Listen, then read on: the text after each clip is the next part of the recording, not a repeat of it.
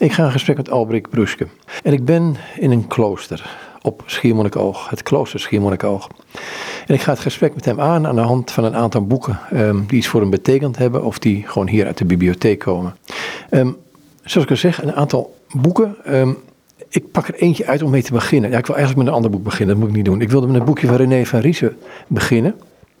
Maar daarvoor misschien toch wel handig om dat klagen van Joost van Keppel, uh, wat je toen bij, bij een, uh, gewoon een boekenstalletje meegenomen hebt, tweedehands, ja. uh, daar gewoon een stukje uit te pakken om nog even de smaak te pakken te krijgen. Ja, het is een boek van Joost van Keppel, dat is een pseudoniem van Willem de Meerode. Boek uitgegeven, schitterend mooi uitgegeven in, in 1927. Heel mooi verzorgde uitgave met uh, zwarte letters en, en rode initialen aan, het begin van elk hoofdstukje. Het zijn een soort van dichterlijke ontboezemingen. En ze komen werkelijk vanuit zijn tenen. Het taalgebruik kan misschien wat, wat bombastisch overkomen of wat gezwollen. Maar je, je voelt, althans ik, ik, ik voel het aan als, als, als iemand, als, als een inderdaad een gekwelde ziel die, die in het nauw gedreven zich tot God wendt. En dat vind ik een, een, een, een prachtig uh, verwoording. En, en, ik voel me daarmee verwant. In het nauw gedreven worden door God om bereikt te kunnen worden of open te kunnen staan. Ja, nou, het, het, in zijn leven is het een en ander niet goed gegaan. Hij heeft een paar dingen gedaan die niet zo fraai zijn. Dat wist iedereen ook. Dat is helemaal niet fijn natuurlijk. Als, je, als iedereen weet uh, dus zijn in het nauw gedreven was uh, heel duidelijk zichtbaar, om het zo maar te zeggen. Heeft in de gevangenis gezeten. Tegelijk was het ook voor zijn persoonlijke uh, leven een, een totale crashdown, om het zo maar te zeggen. Hij was werkelijk tot aan de bodem en, en geen uh, voet meer op te staan. De enige bodem was eigenlijk nog God. En tegelijk voelde hij ja, dat als het ware, het gaat maar door. Hè? Dus ik heb mijn straf uitgezeten, maar dat betekent niet dat ik nu opeens een, een geweldig en, en, en helemaal van alles af ben, laat ik het zo zeggen. Gaat het dan om schuld ook en schaamte? Uh, schuld en schaamte, dat, dat spreekt hier niet zo heel erg uit. Het gaat meer in een soort van besef dat je eigenlijk, en dat is het mooie van als je zo ver ja, tot in de hoek gedreven wordt, dat je dan bewust wordt dat je in het gewone leven, dat je denkt van ach, ik doe toch nooit iets verkeerd. Maar juist als je zo door de bodem heen gaat, ga je merken hoezeer je ook in het gewone leven eigenlijk volkomen aan God voorbij gaat. En omdat het even gewoon goed gaat, denk je van alles gaat goed. En, en ja, en als je daaruit gegooid wordt, als het ware, uit die malle molen van het gewone leven, ja, dan ga je opeens zien in wat voor malle molen je zat totaal van God los eigenlijk. Terwijl je gewoon een brave burger was die keurig leefde enzovoort. Dus dat is vaak ook de boodschap van mensen die, uh, ja, door wat voor reden dan ook, door psychische ziekte, door, door een, een, een, misdaad, door weet ik veel wat, uit het systeem gegooid worden. Juist zij geven als het ware een, een, een kijk op het leven die ja, voor ons, of voor ons, ja, ik reken mezelf ook even tot de mensen die uh, een gewoon leven leiden. Dat is natuurlijk ook. Ik heb ook wel die ervaringen gehad. Maar ik, ik ga heel gauw in die malle molen weer terug. Dan gaat het gewoon leven weer door en dan, dan vergeet ik het heel gauw. En, juist deze getuigenissen, die, die helpen mij enorm om, om, om niet te vergeten wat ik gezien heb. Je misschien een klein stukje voorlezen, gewoon om, om de smaak een beetje, of een beetje te pakken krijgen. Er komt nog een ander aspect bij mij naar binnen toe. Is, eh, heb je het over het, het gewone fatsoenlijke leven wat wij leven? Mhm. We doen geen, geen gekke dingen, we stelen niet, we liegen niet, we, noem het maar op. En toch kan het leven heel makkelijk, zelfs als christen, aan God voorbij gaan. Want je, hebt, je bent eigenlijk wel tevreden met jezelf. Ja, nee, je, leven gaat aan God voorbij. Dus uh, uh, als je het evangelie leest, dan, dan uh, denk je dat de fariseeën en de schriftgeleerden, dat die, eh, ja, dat zijn natuurlijk de grote ja, boosdoeners of noem maar op. Terwijl het juist ook de, de brave mensen zijn eigenlijk. Hè? De, dat zijn wij eigenlijk, om het zo maar te zeggen, die keurig netjes leven. Ja, wat is hun zonde dan eigenlijk? Wat doen ze eigenlijk verkeerd? Eigenlijk niks. Ze doen alles goed. En tegelijk zou je het zelfs, ik weet niet of het waar is hoor, maar soms heb ik de indruk dat het hele evangelie eigenlijk is geschreven omwille van de schriftgeleerden en de fariseeën. Dus uh, uh, de rest die, die snapt het wel. de, juist die schriftgeleerde fariseeën, die, die snappen het niet als het ware. Hè? Dus die moeten als het ware voortdurend tegen de deur gebonst worden van mensen wordt wakker. Op zich is het ook wel iets uit wat, wat je in het gewone leven uh, ook wel veel ziet eigenlijk. Hè? Wat juist de mensen die aan de rand van de maatschappij zitten, ja, de prostituee, de, noem maar op. Juist die zijn vaak geneigd om, om ja, te erkennen van, ja, ik zit op een manier bezig te zijn die, ja, die niet helemaal klopt. Ze kunt ook goed praten van zichzelf, maar dat blijven ze ook zeggen aan die mannenmolen zitten. Maar mensen die heel duidelijk zien van ja, sorry, maar ik, ik zit inderdaad aan de verkeerde kant van het leven. Maar ja, goed, zo is het nu eenmaal. Maar die staan eigenlijk dichter bij God, omdat ze juist ja, zichzelf doorzichtig maken, als het ware. Hè? Terwijl mensen die ja, een gewoon leven leiden en nooit iets, ja, ze zijn eens een keertje kribbig of ze zijn eens een keertje hè, leugentje om best wil. Of, uh, nou goed, als je inderdaad voor God je zonde wil beleiden, moet je echt gaan zoeken van, van ja, wat was het ook weer wat ik verkeerd heb gedaan. Hè? Uh, ik was niet aardig genoeg of zo, hè, dat soort dingen. Maar goed, dan kun je zelfs afvragen wat het een zonde zijn. Hè? Dat is meer een, een, een barstje in je eigen ideaalbeeld. Terwijl de, de, de zonde werkelijk is, is het aan God voorbij leven. En um, nou ja, dus op het moment dat je uit het gewone leven wordt gemikt, door wat voor gebeurtenissen ook, ook door ziekte kan ook gebeuren. Ja, dan ga je opeens zien van hoezeer je eigenlijk in je eigen wereldje zit. Uh, je eigen koninkrijkje bouwt. En, en je bidt je wel tot God van uw rijk komen. Maar het klinkt zo vals als wat. Misschien op dat moment dat je het bidt dat je het wel meent. Maar de rest van de tijd ben je gewoon je eigen rijk aan het bouwen. En dat vind je prima. En, en God, als die zich ermee kon bemoeien.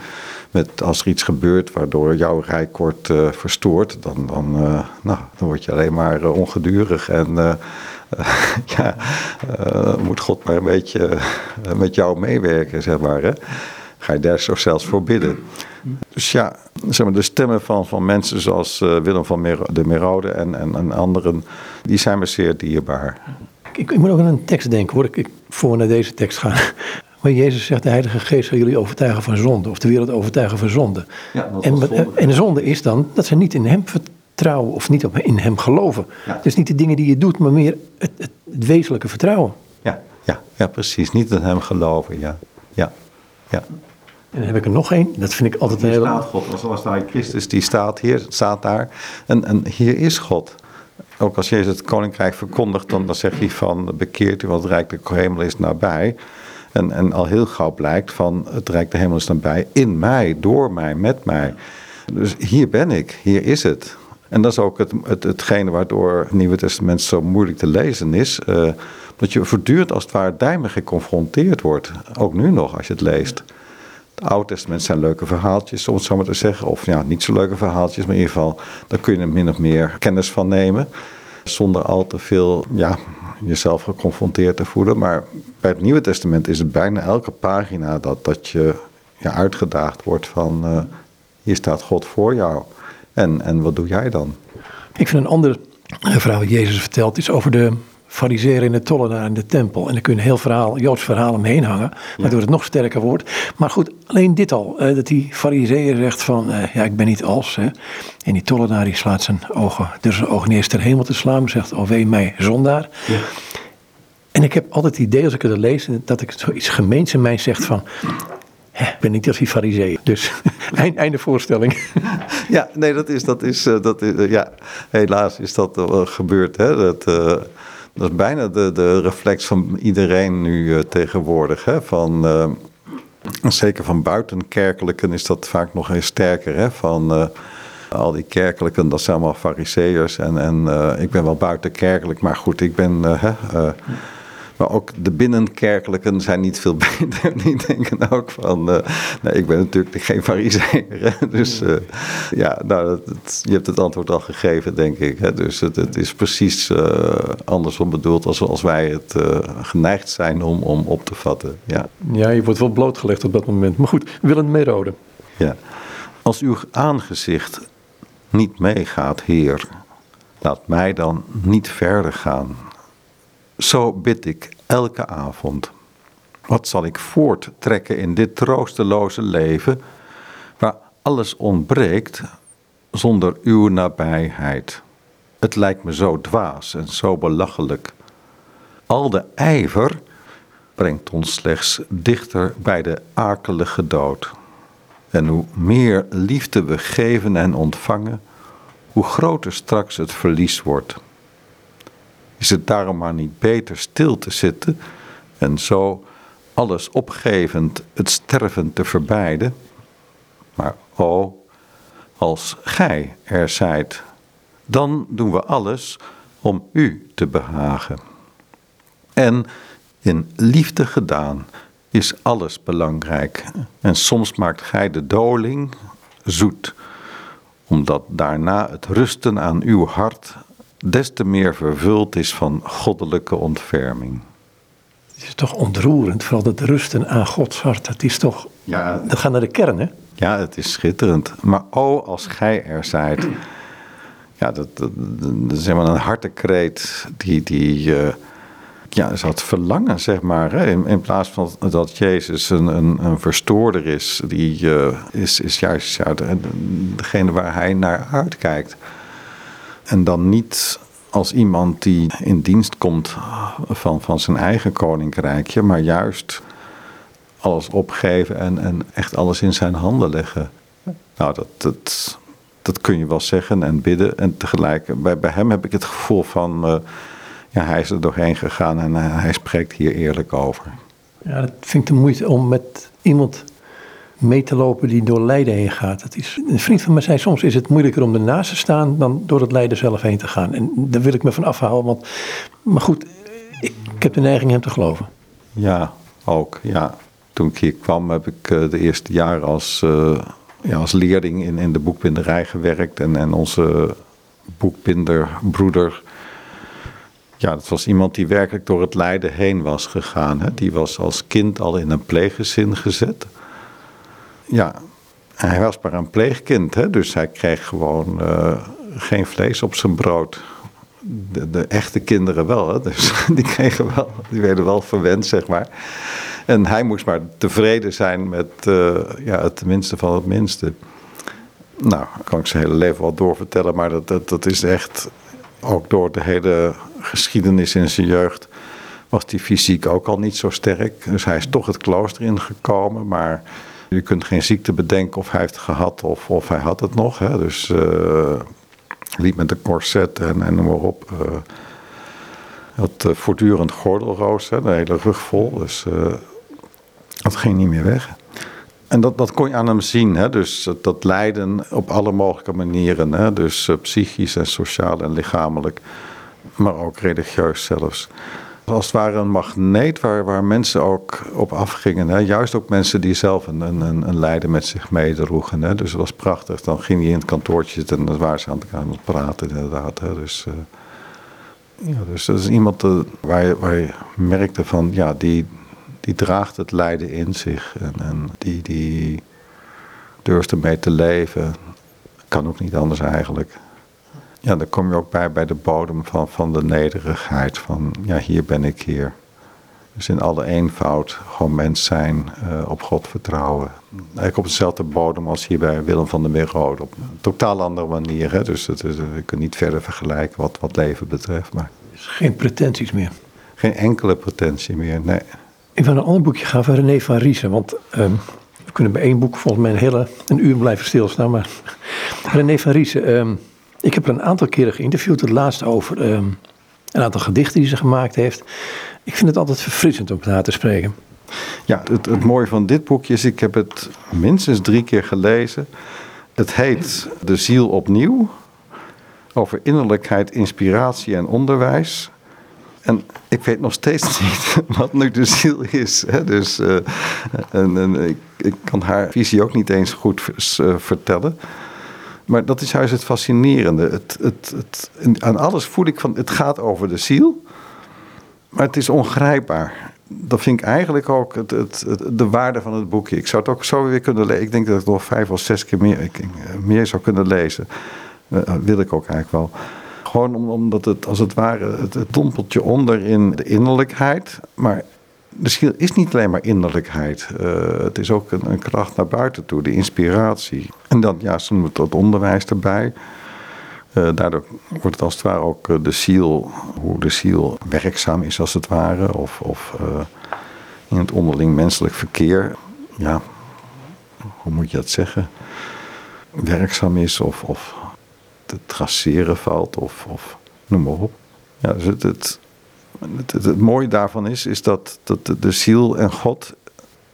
Je kunt ziel puur als iets, iets uh, ja, het onzichtbare van de mens noemen, wat gewoon psychologisch is. Maar toch het woord ziel, dat, dat heeft toch een, een, een, een connotatie. Het heeft iets met God te maken. Ziel en God, dus dat, dat is als het ware. Um, ja, dat staat niet in dit boek trouwens, maar ja, God is eigenlijk de enige die toegang heeft tot de ziel. Dat is een beetje de, de ja, algemene ja, wet, als het ware, van spirituele leven. Hè? Dat kun je overal vinden. Cassianus schrijft daar heel helder over, vind ik. Dus God is de enige die volledig toegang heeft tot de ziel en, en die je ook in het verborgene ziet. Hè. Dus helemaal ook in de lijn van, van wat Jezus zegt: van ga je binnenkamer in en bid daar. En, en God in het verborgen, die het verborgen ziet, ziet jou daar.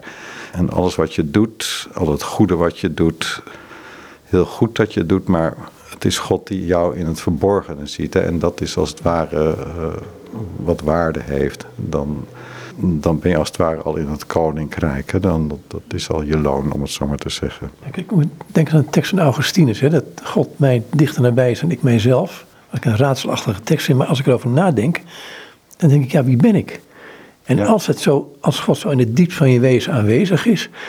Ja, het raakt bij mij bijna het, het, het, aspect van verwondering. En, en ja, mysterie vind ik een verkeerd woord hierin. Maar, maar de verwondering van, uh, waar is God dan niet, hè?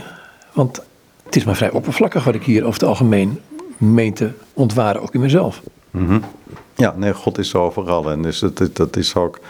Maar dan gaan we ook weer van het boekje weg. Dus uh, ja, waar houdt de ziel op? Hè? Dat is een. een, een, uh, ja, dat is zeg maar intellectueel spelletje kun je doen. Uh, ja, de ziel. Wat, ja.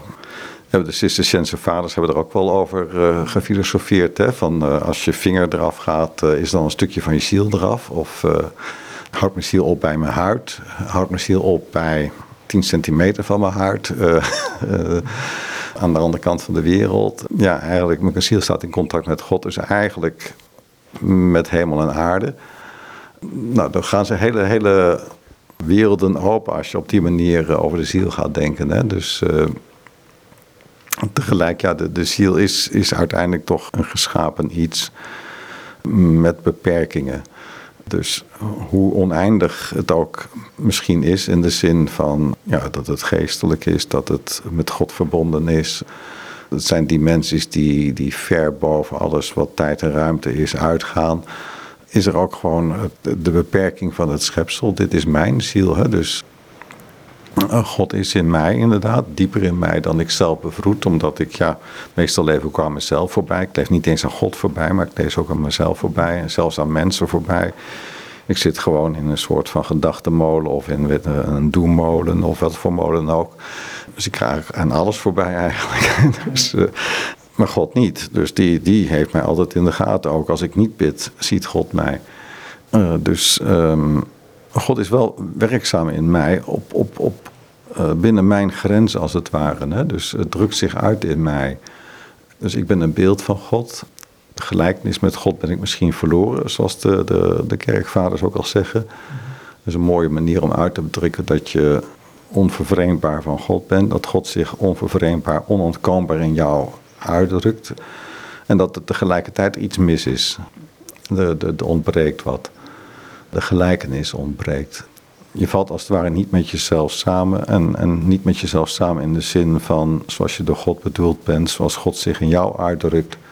Ja, dat wil je eigenlijk niet. Je bent als het ware ver van God, omdat je, ja, net wat ik net over gehad, hè, dus uh, Jezus komt de troonkrijk van God uh, brengen. Hij zegt van hier sta ik voor je. Ja, en, en, en ik ben dan de farisee of schriftgeleerde die zegt van ja, maar in de schrift staat dit of wat dan ook. Hè. In plaats van gewoon Jezus in de ogen te kijken, uh, ga ik naar de letter van de wet kijken of ga ik denken van ja, het komt mij niet zo goed uit nu dat die nu voor me staat, ik heb andere dingen te doen. Hij loopt me in de weg. Eh, ik heb mijn eigen tempel gebouwd en nu gaat hij daar de boel verbouwen. Dus heel veel dingen komen niet uit. Hè? Plus dat hij nog eens een keertje misschien is dat ook wel de diepste reden van de fariseeën om Jezus uit te leveren, is dus de nijd. Mensen lopen met hem weg en niet met mij. Het is, het is toch een, een, een, strijd die voortdurend in jezelf aanwezig is, hè? Mensen lopen dus met hem weg en niet met mij. Ja, precies. Dus nee, het is één spiegel van jezelf. Hè? Dus dat is een heel belangrijk iets. Ook we leven de hele dag de, de, de psalmen. Hè? Dus dat is soms ook schokkend voor mensen. Die uh, komen bij ons dan uh, ja, nooit een gebedsdienst meegemaakt en ook nooit, nooit een psalm gelezen. En, en die lezen dan, uh, of die, ja, die horen ons dan die psalmen zingen.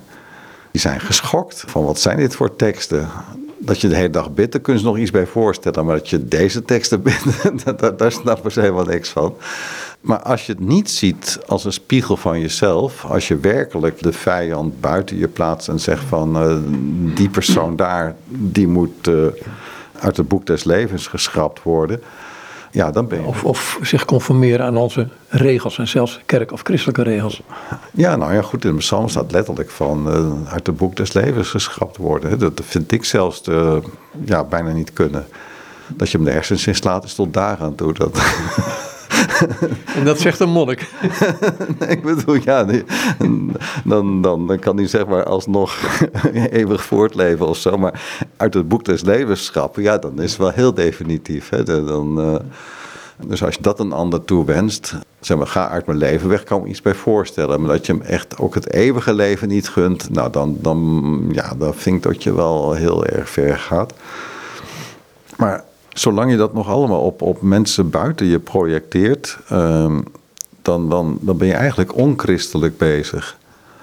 Uh, en ja, dat is een, een hele lastige.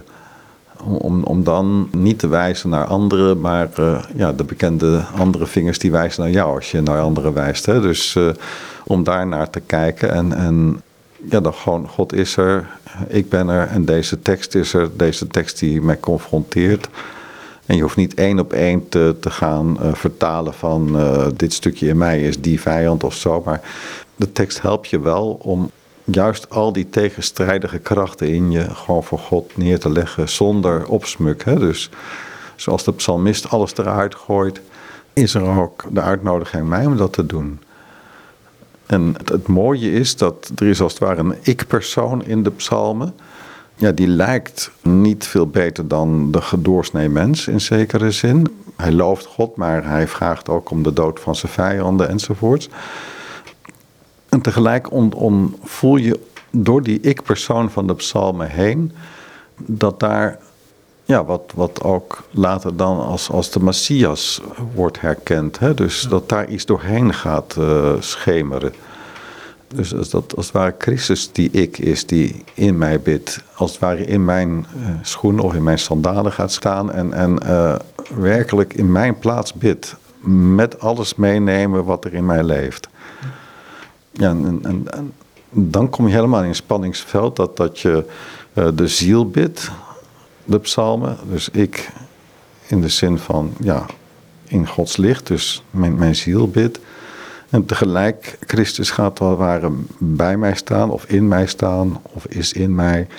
En, en bidt die psalm. En neemt als het ware al die, ja, die, die vuilnisbak of de uitstalling van mooie vruchten, noem maar op. Uh, ja, het mooie of het goede, het lelijke, het, het schitterende, alles. En ook uh, al het middelmatige, alles wat er is, dat brengt je als het ware als een grote offerschaal naar God toe. Dat, dat is eigenlijk de, de, als je het over de ziel hebt, is, is dit zeg maar, het, het, het, het werk ja, van de ziel of, of wat er op het zielsniveau gebeurt. Er zit er nog een ander aspect wat bij mij naar binnen komt, is dit. Um, dat het dus een soort woordeloos bidden is van de Heilige Geest, een soort zuchten van de Heilige Geest. Ja. Ik heb het soms het idee, maar goed, corrigeer me als het niet zo is, um, dat het gebeurt op het moment dat ik help dat God erop of, of in wanhoop naar hem uitschreeuw. En dat het verlangen van de Heilige Geest is om juist in mijn innerlijk om Christus daar weer gestalte te doen krijgen. Dat. Ja. Wat wij niet altijd willen. Eh, de schriftlezing van vandaag ging over de Garacena, dacht ik. Waarin um, een man genezen wordt, van de mode bevrijd wordt. Die gaan in de varkens, maar goed, met zijn zwijnen. En gaat hij naar dorp toe, helemaal, helemaal verguld van ik ben genezen, ik, kijk mij nou eens. En dan gaan de mensen met de medie gaan naar Jezus toe en zeggen, jongens, ga alsjeblieft weg. Ga alsjeblieft weg. Ja. Ja. Dus, dus die twee aspecten. De ene kant het verlangen van de Heilige Geest om, om Christus in mijn gestalte te doen krijgen. En tegelijkertijd uh, liever niet lijken wij soms wat te zeggen. Ja, ja, ja, ja. ja dat is, dat is uh, zoals als je, als je die stem gaat herkennen, althans is voor mij is dat heel veel belangrijk. In de loop van de tijd van mijn leven heb ik heel vrij veel mensen begeleid. En, juist was het ook vaak het, het, het grote probleem van, ja, uh, ik wil best wel uh, mijn zonde beleiden, maar ja, ik heb niks gedaan. Ik heb niks verkeerds gedaan eigenlijk. En, uh, help me zoeken naar mijn zonde. En dat, dat is een, een ja, als het ware, de, de, ook ontroerend dat mensen op die manier echt, echt zoeken. En tegelijk is dat ook, uh, als, je, als je de stem her gaat kennen van, van juist deze klaagstem van degene die, die denkt van ik heb toch geen enkele zonde ja, dat, dat, dat is de, de grootste paradox, denk ik, van het evangelie. Dus dat juist die stem van, van de brave christen. En uiteraard zijn er ook echt brave christenen die echt braaf zijn. Hè? Dus ik wil niet generaliseren. Maar dat je in jezelf die stem gaat herkennen. Van ik heb toch niks gedaan. En, en ja, Jezus is voor mij zonde gestorven. Ja, voor die enkele dingen die ik misschien verkeerd gedaan heb, als die daarvoor helemaal mens is geworden en gestorven is, ja, nou, nou, nou is dat een beetje niet overtrokken dan. Hè? Uh, ik wil best wel geloven, maar uh, eigenlijk de vraag van wat moet ik ermee? En, en juist dat is hetgeen wat het meest tussen God en jou instaat. Juist die stem. Dus als, als dat masker valt, ja, dan komt er op een gegeven moment ook ja, eh, beweging in de zaak, om het zo maar te zeggen. Hè. Dan, dan komt alles bloot te liggen. En dan komt alles wat achter het masker ligt, komt, komt uh, voor God. Ja, maar goed, het zijn dingen waar je net zegt, waar we ons waarschijnlijk niet eens van bewust zijn. Nee, precies. Hè? Dus en op zich past het ook in de gewone groei van het, het, het geloofsleven. Hè? Dus je, je, je, leert God kennen en dan, dan heb je mooie momenten met God. En dan, dan denk je van nu ben ik er en nu ben ik gered. En het is ook zo, helemaal waar. Tegelijk, tussen de momenten in dat jij tot God bidt en, en eh, opgetogen over God bent... Dat zijn misschien ja, per dag uh, een twee kwartier. Als je het werkelijk terugbrengt tot wat werkelijk beleefd wordt. En dat is al heel veel trouwens. Maar tussen die twee kwartier in heb je nog al die uren waarin je eigenlijk volkomen aan God voorbij leeft en waar God totaal niet welkom is. Alleen, dat wil je niet weten. Je zegt alleen van ja, ik heb niks verkeerd gedaan. Nee, je hebt niks verkeerd gedaan. Maar het mooie wat, ja, wat de ziel dan en ook wat, wat de Merode zegt. Maar oh, als gij er zijt. Dus als het ware, uh, als je Gods aanwezigheid werkelijk als, als een, een, een, licht op je pad neemt en, en werkelijk als een licht in je hart meeneemt en, en dat de hele dag door, ja, dan gaat het licht ook schijnen over alle tijden en momenten dat, dat, dat je ja, eigenlijk heel ver van God bent. Misschien geen verkeerde dingen doet, maar helemaal los van God bent. En daar in die modus doe je inderdaad werkelijk heel veel zonde in de zin van, van liefdeloosheid. Eh, heel veel dingen die je laat, die je niet doet. Heel veel tijd die je investeert in, in dingen die voor jou op dat moment aangenaam zijn. Of de tijd vullen of wat dan ook. Of, of waar je denkt dat dat moet. Of, dus eigenlijk vergooi je je leven. Uh, ja, misschien uh, even erg als iemand die, zoals de verloren zoon, zijn geld verbrast aan drank en, en, en noem maar op. Eigenlijk maakt dat niet eens zoveel uit. Gewoon gezien naar, naar uh, wat er innerlijk gebeurt en ook misschien zelfs uiterlijk gebeurt, is het eigenlijk hetzelfde. Dus meer, de ene is negatief, de andere is positief, als het ware van, van één plaatje of twee kanten van één medaille. Als je dat dan gaat zien, dan is degene die buiten de maatschappij staat, inderdaad helemaal vertrapt en, en uitgeworpen en, en zondig en, en misdadig en, en verslaafd, weet ik veel wat, of geestesziek. Uh, ja, dat wordt opeens je broeder of je zuster die, die naast je staat. En, en ja, ik denk dat dat evangelie pas dan tot leven komt. Uh, en, en dat die tollenaar en die zondaar, of, of de, de, de fariseer en de, de tollenaar die daar staan ja, dat die ook in jou staan. Dat ze ook zeker, in zekere zin allebei mogen zijn. Hè? Als je het maar werkelijk in de tempel ziet, allebei. Allebei in Gods nabijheid. Ik heb een rabbijn dit horen zeggen. Die zei van toen God uh, de mens schiep, was het een schepping uh, wat uiteindelijk zijn kwetsbaarheid toonde. Uh, van God zelf. Als ik aan Jezus denk die bij de Samaritaanse vrouw zit. Jezus vraagt om water, want hij heeft dorst. Gek genoeg. Is er dan iets in God? En, en, ik ga misschien nu um, dingen zeggen die binnen het menselijk verkeer heel erg passen. Maar is er dan iets in God of iets in Christus die verlangt dat wij naar hem opkijken? Dat wij hem zien, dat wij gewoon um, onze dag met hem doorbrengen. En dan bedoel ik ook in een dagdagelijkse leven als ik gewoon mijn boodschappen doe en dat soort dingen. En dan kan ik de vraag bij dan kan dat. Ja, ja dat, dat is volgens mij de, de, de, alles waar het om gaat en alles waar het om draait. Ja. Het, het, dat Christus voortdurend bij je is. En um, Christus is je leven. Dus um, ja, de, de, de stap die dan gevraagd wordt, en, en is, is, is nog een stap verder in de zin van: het is niet zo, zo ik denk over Jezus na, of ik hou Jezus in gedachten, dan, dan is het eigenlijk nog steeds een soort van beeld wat je van Jezus hebt. Hè? Of, of, uh, en dat is ook goed, hè? dat is ook goed als, als een toegang en, en ook zeker in de tijden dat het moeilijk is of wat dan ook. Uh, ik wil niet zeggen dat dat, niet, uh, dat dat verkeerd is, absoluut niet. Integendeel, het is de, de toegangsweg. En, maar Christus is je leven, is als het ware dat je niet alleen over Jezus nadenkt of aan Jezus denkt of tot Jezus bidt dat je werkelijk ook Jezus in jou laat bidden. Of de geest in jou laat bidden. Dat is hetzelfde. Dat, dat, dat, en, en dan gebeurt er eigenlijk wat, wat, wat ik net zei over de psalmen. Hè? Dus dan, dan is het, het, het ik van de psalmen. Daar kun je jezelf langzaam in gaan, in herkennen. Dan wordt het nog een soort van kun je nog als een soort van psychologisch spel zien, hè, met, met je schaduwkant of weet ik veel wat, hoe je het noemen wilt. Maar het wordt langzaam uitgetild daarboven uh, naar het niveau van Christus. Hè? Dus het is uh, de ik die daar spreekt, is Jezus, is Christus zelf. Is, is, uh, uiteindelijk is het een gebed wat, wat in jou gebeden wordt. En, en, en dan ja, gaat Christus ook werkelijk met je mee. En jouw eigen ik verdwijnt dan. In de zin van ik noem het ik wel eens een keertje, dat noem ik soms ook wel een soort van cursor van een computer. Hè? Dus uh, je zet je cursor ergens op en dan noem je dat ik. En als je de cursor even verschuift, dan noem je dat weer ik.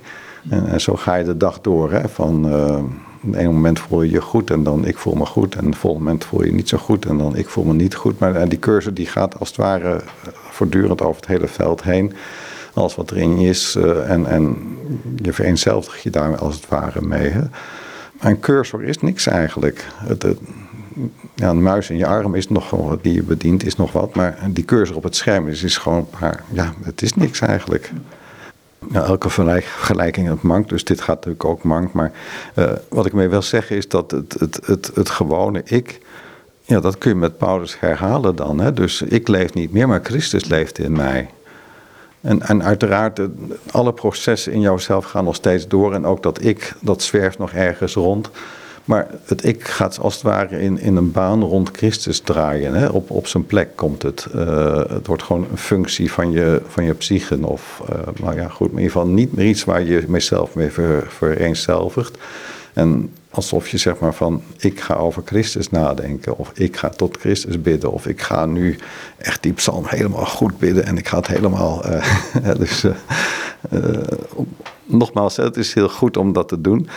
Maar als met het moment komt dat Christus zegt van nu mag je alle moeite laten vallen, hè, komt tot mij allen die vermoeid en belast zijn, ik neem het erover. Daar is het eigenlijk op gericht. Hè? Dus de, naar dat moment dat, dat Christus zich meldt en, en zegt van uh, laat me vallen, uh, laat me vallen. Dus als je je in God laat vallen, kun je eindeloos vallen. Je hoeft niet bang te zijn dat je te pletter valt. Terwijl je valt, word je gedragen. Dat ook het geheim niet van, um, nogmaals Augustinus, van hij is dichter bij mijn ziel dan ik mezelf ken. Dat je dus in die, die eeuwige armen van liefde, ja, zijn afgrond van liefde heeft iemand het wel eens genoemd. Ja, het is werkelijk een afgrond. En, en daar, je daarin durven laten vallen. Daaraan nou durven toevertrouwen. En, en dan merken van, ja, ik heb geen steun, ik heb geen houvast meer. En, en tegelijk, uh, hoe meer je dan laat vallen, misschien zelfs tot wanhoop toe, op een gegeven moment een, een omslag komt. Uh, ja, ook weer een vergelijking die mank gaat, maar ik heb parachutespringen gedaan en, en uh, op een gegeven moment mag je dan vrije val doen. En dan bij een vrije val moet je je uitstrekken, hè, je armen en benen wijd uit, zodat je een luchtkussen onder je vormt. En dan, je blijft natuurlijk vallen, maar met dat luchtkussen ga je iets minder. En je kunt dan ook sturen. Hè? Je kunt dan naar een ander toe zwemmen. Je, gaat, je kunt als het ware zwemmen in de lucht dan. Maar je ziet niks. Het, is, gewoon, het is gewoon lucht. Dat is een mooi beeld, vind ik, voor, voor eh, het vertrouwen op God. En je laat je op God, eh, ja, je, je vertrouwt volkomen op God. En je laat je volkomen vallen in God, in die afgrond. En ja, van liefde. Maar ja, ook een afgrond van het oordeel. Ook een afgrond van, van het totaal uh, niet meer weten waar je aan toe bent. Het is geen liefde in de zin van, van een, een, een uh, ja, soort van lente, uh, paradijselijk landschap en, en waar alles mooi en goed is. Integendeel haast. Hè? Dus, dus de, de, die, die, die afgrond van Gods liefde is juist ook de gekruisigde Jezus. Die sterft aan het kruis en het uitkrijst. En uiteindelijk zegt van in, in uw handen, vader, beveel ik mijn geest en het is volbracht. Dus die, die, die dubbelheid zit als het ware in die val. Je laat je voorkomen vallen in alle totale ontreddering. En tegelijk voel je van, als mens voel ik me ontredderd. En tegelijk voel ik ook, uh, ik word gedragen. Ik, ik, God is er. En, en uh, het vallen gaat door en tegelijk, het is goed. Het, ik ben veilig. Ik ben veilig in Gods armen. Zonder dat ik weet hoe en uh, wanneer. En, en nou, ik heb totaal geen greep op. Ik kan een ander boek gaan. Um, noem het Dwarsliggers, lijkt mij een hele mooie. Um, um, maar dit gaat van mystici van Harderwijk tot Hillesum. En dit zit in die mystiek ook sterk verweven. Dus het feit dat je je voorkomen laat vallen in Gods armen. En ja, dat. Ja, dus dat. Maar het boek heet Dwarsliggers. Dus een, uh, ja, nou, nou snap ik, kijk, als je een spoorlijn wil aanleggen, heb je dwarsliggers nodig. En, en in deze maatschappij schijnen we tegenwoordig niet meer, want iedereen moet hetzelfde denken en doen. En, zelfs de universiteiten wordt uh, onderwezen wat je moet denken, niet hoe je moet denken. Maar ik vind die dwarsliggers altijd wel mooi. Want ik ben blij dat ze er zijn bij een spoor. Ja, ja dus dat, ja, dwarsliggers, ik weet niet hoe de hoe het zo bedoeld is door de auteur. Arjan Broers heeft dit samengesteld. Hè. Dat is, het, is, ja, het is volgens mij heel oud al. Oh, het valt nog mee, 2002. In toen het uitkwam was ik echt helemaal verliefd op het boekje. Dat, het, het, is, het, is, het gaat over, over dat mystici. ook mensen die niet zo super mystiek zijn, zoals Augustinus. Is maar ook, ook die worden telkens in de mystieke kant uh, benaderd. En heb je het dan over de relationele kant in wezen? Het feit dat je God kunt, ja. en wat net over het kunnen ervaren. Waar God er is en waar jij er bent en, en waar verder alles wegvalt. En je ontdekt jezelf in die situatie, in die relatie. En, en ja, wat dan? Ja, dus, dat, dus het is mystisch het even helder te krijgen. Dat zijn niet van die mistige lui die maar een beetje aan het zweven zijn en denken, ja, alles is goed. Maar dit is vrij concreet, hè, wat, wat deze mensen voorstaan. Een Harewieg, een Franciscus, een Mechtad van Maagdenburg, ook prachtig. Maar goed, eh, die kant. Ja, enerzijds, ja, het, het, we spreken nu over wat je ervaring zou kunnen noemen, maar het, het is in zekere zin ook een gebrek aan ervaring. Het, het, is, het is gewoon een, een, een, ja, de grond wordt onder je voeten weggehaald ook een, een liefdeservaring. Eh, dat, dat, dat ken ik ook in ieder geval. Het is, het, het is niet per se negatief of, of zwart of donker en, en, of licht en wat dan ook. Hè. Dus, uh, maar het donkere of het lichte, dat is niet, niet essentieel. Het essentieel is dan, uh, God is er en ik ben er en, en verder valt eigenlijk alles weg of alles komt samen. Maar wel, dat is het mooie van de mystici, ook die in dit boekje staan. Ze kunnen niet meer gewoon leven uh, zonder dit baken in hun leven te erkennen. En, en misschien dat ze het alleen maar aanvoelen. Dat kan ook. Hè? Je hoeft niet per se een, een, zelf een hele diepe ervaring gehad hebben. Je kunt wel zelfs aanvoelen van, van, van, van wat hier, waar het hier over gaat, over God. en over de mens. Je voelt als het ware aan van dit is wat boven alles uitgaat. En dat je je leven in dienst daarvan stelt. Dat, dat, voor mij is dat mystiek. Hè? Dus een, een, er kan een ervaring bij komen. Maar misschien dat juist zalig zij die ja, niets ervaren hebben en toch geloven. Hè? Dat, dat die de ware mystici zijn. Hè? Uh, want ook als je iets ervaren hebt, moet je toch uiteindelijk ook die ervaring weer loslaten. Het is niet die ervaring waar God in gevangen zit.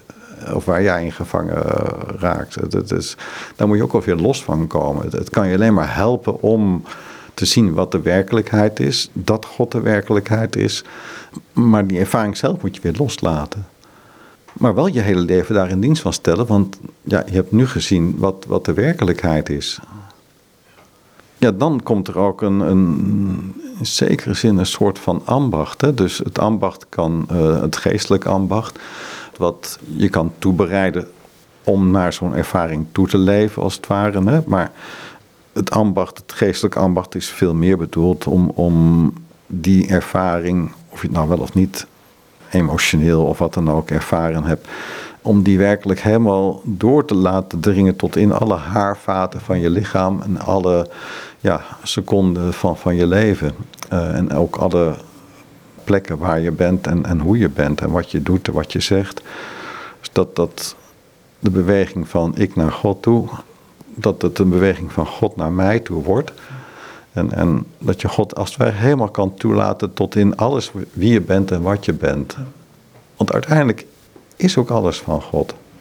Ik heb uh, ja, wel een heel mooi geschriftje gekregen ooit van mijn novicemeester. Ik ben vandaag 37 jaar in het klooster. 5 juli 86 ben ik ingetreden. Uh, en ik kreeg al heel gauw kreeg ik een, een, een, schriftje wat hij overgeschreven had. Dus ik heb dat zelf ook weer overgeschreven. Ik ben het weer kwijtgeraakt. Maar iemand anders had het voor mij weer overgeschreven. Dat heb ik nu weer teruggevonden. Dus dat, het is een hele schriftentraditie die uh, wel helemaal... Het, het is een, een, een geschrift van Vincentius Palotti. Eigenlijk heel simpel. Hij zegt van... God heeft ons geschapen uit het niets. Dus we zijn eigenlijk gewoon niets hij volgt een heel logisch betoog. Maar je voelt dan alles, het is meer dan logisch betoog bij hem. Maar hij zegt dan, we zijn niets. God is alles. We zijn door God uit het niets geschapen. Maar wij, wij denken dat we iets zijn. En dat wij denken dat wij iets zijn, dat is de zonde. Dus we zijn eigenlijk niets en bovendien zondig dat zijn twee doelpunten als het ware. Hè? Die, uh, die kun je als het ware beamen, gewoon puur.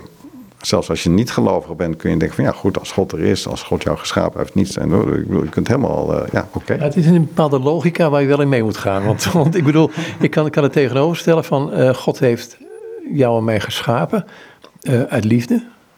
En heeft hij niets lief dan? Jawel, uit liefde, maar... Dat is ook logica, hè? Dan zeg je, heeft hij dan niets lief? En dan, het, het, het ringelt bij mij niet alle bellen dit, hoor. Dit geeft mij ook zoiets ongemakkelijks van, ja, uh, je cijfert iets weg wat er niet is. En het feit dat wij geschapen zijn, dat is wel degelijk een realiteit. Jazeker, dat we geschapen zijn, is een realiteit. Maar heel die realiteit berust op God en niet op mij. Dat er iets van liefde in mij is, is niet aan mij te danken. Het is aan God te danken. Dus alles wat er is, uh, komt niet van mij, maar komt van God. Dus op het moment dat ik ga denken van dat het, ja, het, het, is mij gegeven, dus in die zin mag ik zeggen dat het van mij is. Maar als ik de deur dicht doe naar God en zeg van, nou, ik ben, ik ben nu geschapen als het ware en ik doe de deur dicht naar jou toe en, en ik ga wel lekker zonder jou verder. Dat is eigenlijk wat er gebeurt bij de zonde. Dan zeggen van nou, uh, ik, ik, ik, wil gewoon niet meer weten dat, dat, dat ik van jou vandaan kom en volledig van jou afhankelijk ben. En dat ik ook naar jou terug want er is gewoon, er is gewoon niks anders. In ieder geval voor mij is, is, is dat wel een, een, een geschriftje geweest wat het deed me glimlachen, omdat het juist zo, zo ja, extreem rechtlijnig is. En, zeg maar een, een, logica waar je geen, niet omheen kan. Maar zo, ja, weet dat? Een logica die zo, uh, ja, ja, bot is of wat dan ook. Of in ieder geval uh, ja, onontkoombaar is. Dat dat ook iets, iets, bijna iets humoristisch heeft. tegelijk is, is, is het een, een, een, een soort van ja, basisroutekaart die, die als een glimlach ook met me mee is gegaan, toch? Het een soort van, alles wordt gerelativeerd. In de zin van in relatie met God gebracht. En ja, dat geeft een glimlach over het hele leven. Ja, die, die glimlach is ook een stukje openheid weer naar God toe. Dus ik, ik ben hier en ik, ik denk dat ik heel wat ben. En tegelijk is er ook die glimlach van, van ik weet wel van, ja goed, uh, ik hou mezelf voor de gek. Tegelijkertijd zit er bij deze, eh, de meeste luiden hierin beschreven staan, zit iets van die intimiteit van met God zijn. En ik haalde de meest onwaarschijnlijke ogenschijnlijk uit. Ja. Dat is Etty Hillesum. Die op een gegeven moment ook die, dacht op de keuken of op de badkamervloer knielde voor God. En ik, ja. ik, ik vind het, dat vind ik een stukje in haar boek, of in haar geschrift, want ze schrijft ook een heleboel andere dingen waar ik denk van, dat weet ik liever niet. Maar dat is een stukje waarvan ik denk van, dit is zo intiem, ja, dat, ik het bijna niet durf te lezen. Ja, ja. Dat is heel mooi, ja. Ik weet niet wat er in dit boek... Nee, dit boek staat daar geloof ik niet in. Nee, dat, dat, die, die, die scène heb ik ook gelezen. Die, staat ook heel duidelijk voor me. Ja, dat is een, een, een heel kwetsbaar, heel mooi. En, en ook, ja, dat zijn pagina's ja, van een, een stukje tekst waarvan je denkt van dit mag ik eigenlijk niet lezen. Dit is, dit is, dit is bedoeld voor God en haar en ik, ik mag het. Met grote schroom lees ik dat dan. Ja, is uitermate ontroerend. Ik ga naar een ander boekje, um, Woorden van Christus. Want wat we aan het begin van het gesprek zo opviel, is hij op een gegeven moment zei van... Um, het koninkrijk van God is in u, of nabij u. En ik heb wel spreken over gehoord, mensen gaan eindeloos filosoferen wat het zou kunnen betekenen. Ja. Terwijl je zegt gewoon, ja, dat is Jezus zelf. Ja. Verdraait nog aan toe. Ja. Um, woorden van Jezus, Michel, Henri, dit, de woorden van Christus. ja, waar gaat het over? Ik vind het zelf een heel bijzonder boekje, heel fascinerend. De titel vond ik al heel fascinerend. Ik denk, Woorden van Christus, dat boek moet ik hebben. Daar gaat het om. Dus ook het willen hebben van boeken is bij jou al aanwezig. Ja, ja, ja, ja, ja. dus dat is gewoon puur de titel had er iets van, dit boek moet ik hebben. Ik wist niet eens waar het over ging of wat dan ook, maar dit moet ik hebben. En toen ik het dan in handen had, toen, toen, toen was ik verbluft. Want het is geschreven door een Franse filosoof die uh, in 2002 is gestorven. En, en deze pagina's heeft hij nog in het ziekenhuis geschreven. Hè? Dus hij is werkelijk heeft hij de laatste pagina heeft hij gewoon op zijn, op zijn sterfbed geschreven. Heb, heb jij al dit, dit geknoei daarin? Is dat van jou? Ja, ik heb het vele malen gelezen intussen. Dus ik vind het een heel fascinerend boek. En op die laatste pagina is een Franse filosoof, hè, die ook gewoon ja, filosoof is, uh, spreekt hij over de instelling van het avondmaal, over de Eucharistie en eigenlijk over het brood, wat ook werkelijk het lichaam van Christus is. En hij durft er ook te zeggen dat de priester herhaalt de woorden van Jezus van dit is mijn lichaam doordat de priester dat herhaalt, door dat spreken, het soevereine spreken van Christus, wordt het ook het offer geëikt, zegt hij. En op die manier komt Christus tot ons. Nou, als je weet dat, eh, zeker in de katholieke traditie, op je sterfbed krijg je nog het viaticum, dan krijg je de hostie, dus het lichaam van Christus krijg je als, als een laatste ja, teerspijs, wordt dat dan genoemd in Oud-Nederlands. Dus als voedsel onderweg uh, naar God toe. Ah, ik vond dat heel ik denk van wat heb ik nu toch in handen? Hè? Dus een, een boek van een Franse filosoof die op zijn sterfbed over het viaticum spreekt. Over Christus in de eucharistische gedaante van, van brood die hem nog gegeven wordt. Dus de laatste zin is ook inderdaad: wie mijn lichaam eet en mijn bloed drinkt, heeft eeuwig leven en hem zal ik op de laatste dag uit de dood opwekken. Johannes 6, vers 54. Ik denk van ja, dit, dit is een filosofieboek en wat, wat, wat is dit? En boeiend is ook, op pagina 1 heeft hij het al, begint hij al over het kwaad. Zij begint al te zeggen over het kwaad zit niet in het universum, het kwaad bevindt zich enkel alleen in de mens. Ja, dus het, eindigt heel katholiek, terwijl de eerste pagina is zeg maar extreem protestant. Het kwaad vindt zich alleen en enkel in de mens. Ik denk van, ja, iemand in 2002 die dit zo durft neer te zetten. En het hele boek is eigenlijk één vlammend betoog voor Christus. Ik heb zelden zo'n vlammend betoog voor Christus gelezen van christenen zelf. Dat maakt het voor mij uitermate fascinerend. En ook de manier waarop hij schrijft. Hij zegt van, ja, Jezus spreekt woorden, mensen woorden, maar het is het woord van God. En hij zelf is het woord van God. Dus we hebben een taalfilosofie waarmee we onze taal helemaal doorgedacht hebben. Hè. Dat is, de laatste eeuw is dat ook enorm uh, ja, populair geweest in de filosofie. Er is enorm veel over taal gefilosofeerd, nog steeds trouwens. Hè. Nu ook met mensentaal en dierentaal, noem maar op. Hè. Dus uh, taal is nog steeds een uh, hot item in de filosofie. Maar het spreken van God, wat is die taal eigenlijk?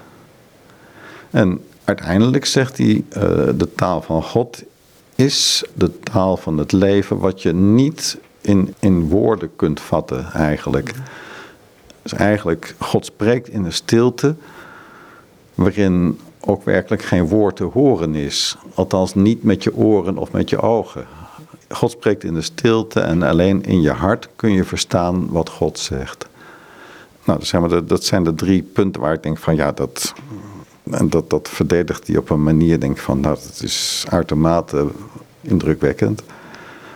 Dus ik blijf het lezen, maar niet alleen om, om zeg maar zijn gedachten goed tot me te nemen, maar veel meer om, om de zoektocht. Het is echt een soort van detective geschreven. Hè? Van, van wat is die taal van Jezus dan? Hè? En wie is Jezus dan? Want als hij het woord van God is, wie is dan degene die daar spreekt? Dus dat is eigenlijk de hele, ja, de detective van dit boek is van wie is die man eigenlijk? Wie is die Jezus eigenlijk die daar spreekt?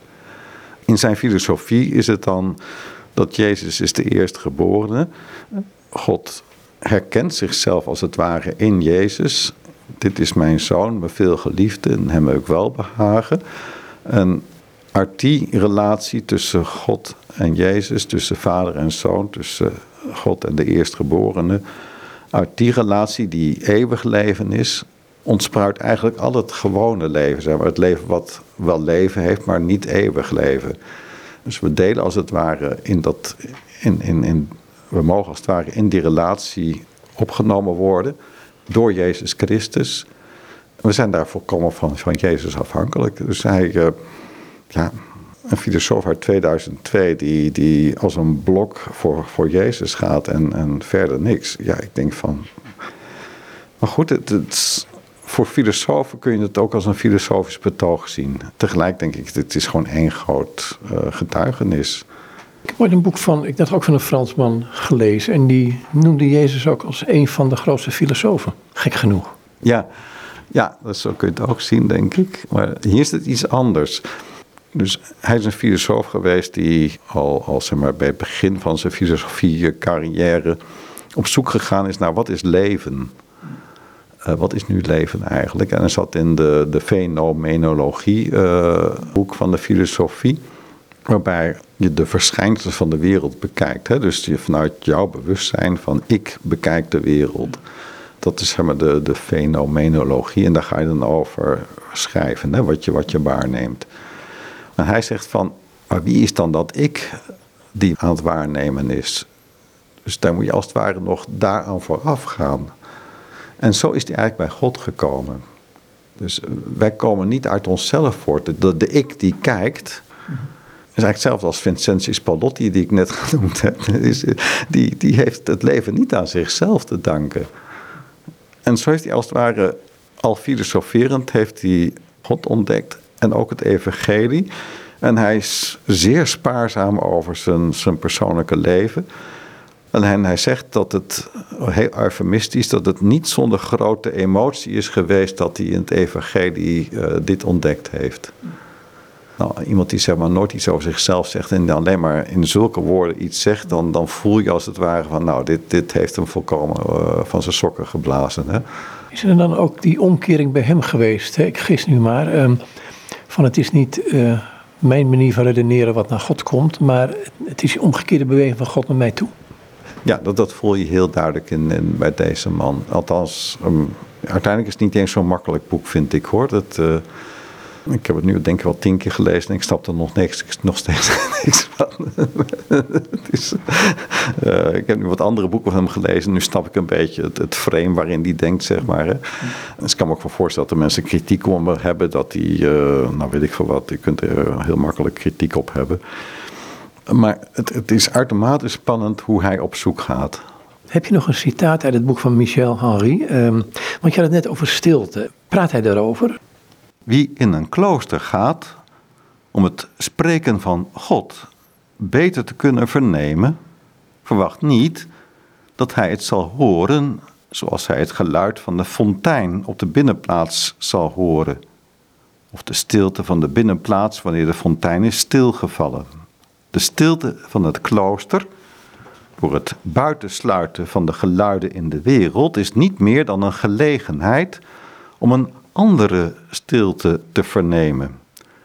Stilte die niet tot stand komt door de vermindering of de afwezigheid van het aantal decibels. Het is geen stilte waarin geen geluid is. Het is een stilte waarin geen geluid mogelijk is, omdat daar waar deze stilte tot stand komt geen enkel zintuig aan het werk is, geen enkel oor en daar dus geen enkel geluid kan bestaan. Maar dit is niet de stilte van het zwijgen, het is de stilte waarin de ononderbroken en waarachtige volheid van het leven spreekt. Waar spreekt het leven? In het hart. Hoe spreekt het leven? In zijn onmiddellijke, voelbare zelfopenbaring.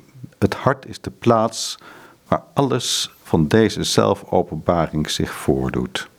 Het hart geeft de enige adequate definitie van de mens.